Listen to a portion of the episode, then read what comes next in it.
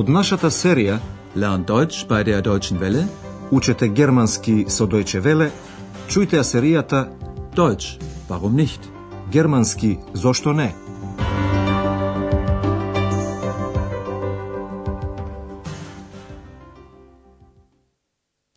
Драги слушателки и слушатели, денес ќе слушнете 25-та лекција од серијата 3 со наслов Од првин се надевам на мали задачи. Zuerst hoffe ich auf kleine Aufträge. Во минатата лекција, Екс и Андреас беа на Доротеинфридхоф во поранишниот источен Берлин. Таму се закопани многу познати личности. Андреас и објасни на Екс зошто сака да оди таму. Слушнете го тоа уште еднаш. Und was willst du bei toten Menschen? Mit Toten kann man doch nicht mehr sprechen. Ach, Ex, wie soll ich dir das erklären? Tote sind nicht immer tot. Manche leben weiter in meiner Erinnerung, in ihren Liedern, in ihren Texten. Потоа Андреас се подсети на некои песни и текстови. Во денешната емисија, Екс и Андреас се во домот на доктор Чујаман. Тие зборуваат за идни планови. Слушнете го разговорот и концентрирајте се на прашањето. što mu predložila dr. Thürmann na Andreas. Also nochmals willkommen in Berlin. Hm. Nehmen Sie doch bitte Platz. Ich auch? Ja, du auch, du Unsichtbare. ja, wir haben viel von Berlin gesehen, aber über uns haben wir noch gar nicht gesprochen. Wie geht es Ihnen? Was macht Ihr Studium? Danke, mir geht es gut. Und mein Studium werde ich auch bald fertig haben. Und dann? Was machen Sie dann? Hm, ich weiß noch nicht. Ich denke an eine Arbeit bei der Zeitung oder beim Rundfunk. Aber zuerst hoffe ich auf kleine Aufträge. Vielleicht können Sie mir bei meiner Arbeit helfen. Aber gern. Wissen Sie, ich möchte ein Buch schreiben über alternative Medizin. Hm, Was bedeutet das? Ich meine Homöopathie. Ich bin von der Heilung durch die Natur überzeugt. Und da brauche ich noch Interviews. Wollen Sie da nicht für mich recherchieren? Ärzte interviewen, Patienten interviewen, Artikel suchen? Das möchte ich gern machen. Aber Sie müssen mir das noch genau erklären. Доктор Чујаман го прашува Андреас дали би сакал да му помогне во истражувањето и собирањето на материјал за алтернативна медицина. Слушнете го уште еднаш повнимателно разговорот. Доктор Чујаман ги поздравува Екс и Андреас. Уште еднаш добро дојдовте во Берлин. Also, nochmals willkommen in Berlin. Тој им понудува да седнат. Nehmen Sie doch bitte Platz. Доктор Чујаман го започнува разговорот со забелешката дека виделе многу од Берлин, но дека не поразговарале за себе. Wir haben viel von Berlin gesehen, aber über uns haben wir noch gar nicht gesprochen. Андреас кажува дека уште малку ќе ги заврши своите студии. Und mein Studium werde ich bald fertig haben.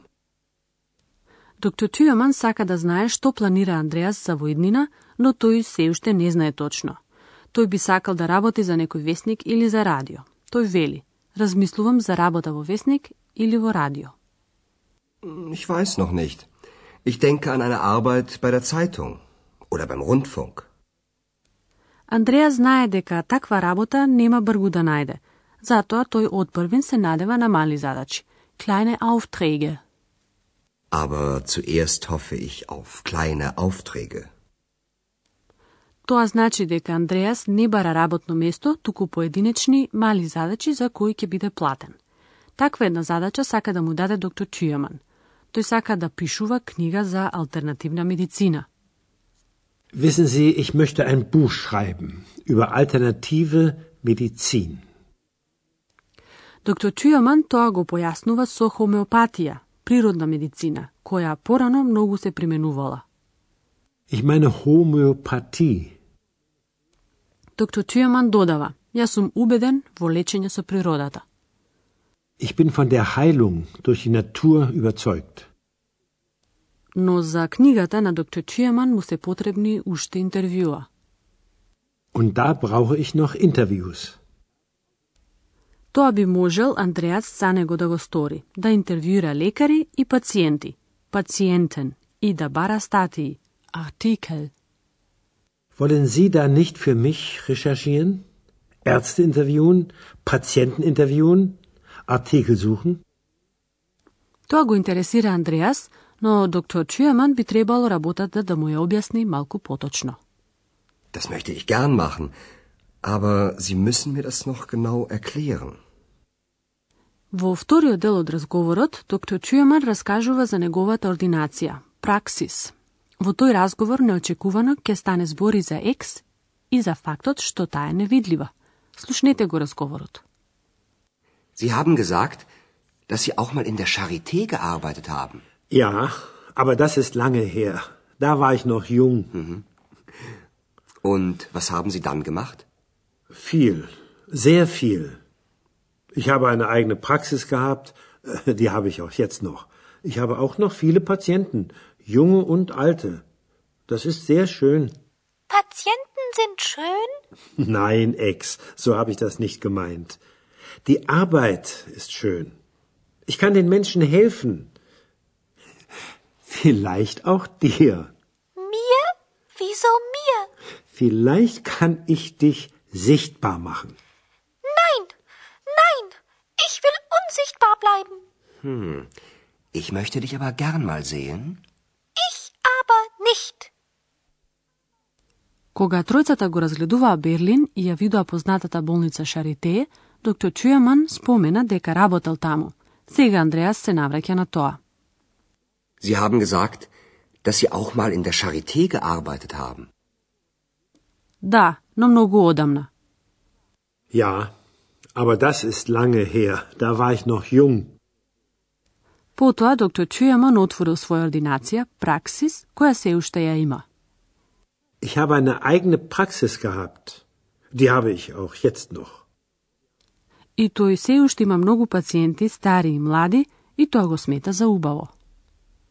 Ich habe auch noch viele Patienten, junge und alte. Das ist sehr schön. Екс се вклучува во разговорот и прашува, пациентите се убави? Patienten sind schön? Доктор Чујаман ја објаснува на Екс дека работата му е убава, а не пациентите. Тој вели, не Екс, не го мислев тоа, работата е убава. Nein, Ex, so habe ich das nicht gemeint. Die Arbeit ist schön. Тој образложува зошто му се допаѓа работата. Можам да им помагам на луѓето, а може би и на тебе. Ich kann den Menschen helfen. Vielleicht auch dir.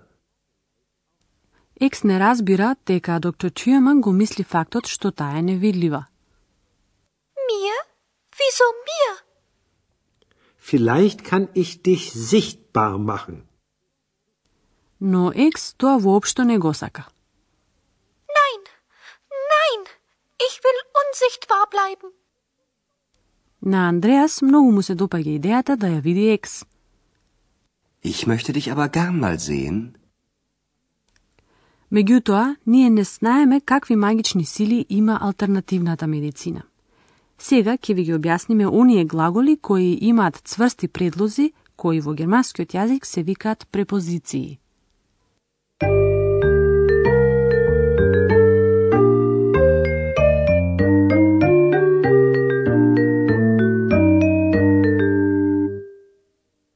Постојат глаголи кои се цврсто поврзани со одредени препозиции. Слушнете еден пример со врската мисли на, denken an. Denken an. Ich denke an eine Arbeit bei der Zeitung. Додатокот кој следува по глаголот е во оној падеж кој го бара препозицијата. По ан следува акузатив. Додатокот значи стои во акузатив, а во нашиот пример an eine Arbeit. Слушнете го уште еднаш тој пример. Ich denke an eine Arbeit bei der Zeitung. По целината се надева на hoffen auf. Следува исто така акузатив. Hoffen auf. Ich hoffe auf kleine Aufträge. По целината да биде убеден во, überzeugt sein von, стои датив. Überzeugt sein von.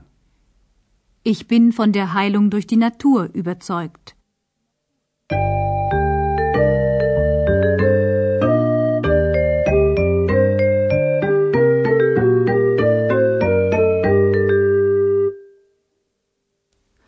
Слушнете ги сега уште еднаш двата разговори. Седнете удобно и слушајте внимателно.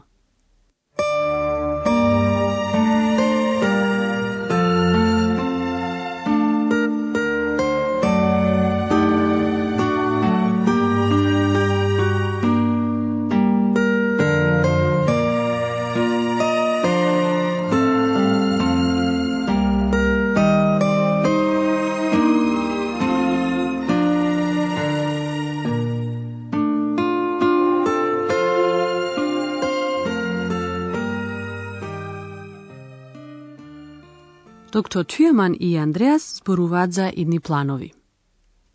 Also nochmals willkommen in Berlin. Hm. Nehmen Sie doch bitte Platz. Ich auch? Ja, du auch, du Unsichtbare. ja, wir haben viel von Berlin gesehen, aber über uns haben wir noch gar nicht gesprochen. Wie geht es Ihnen? Was macht Ihr Studium? Danke, mir geht es gut. Und mein Studium werde ich auch bald fertig haben. Und dann? Was machen Sie dann?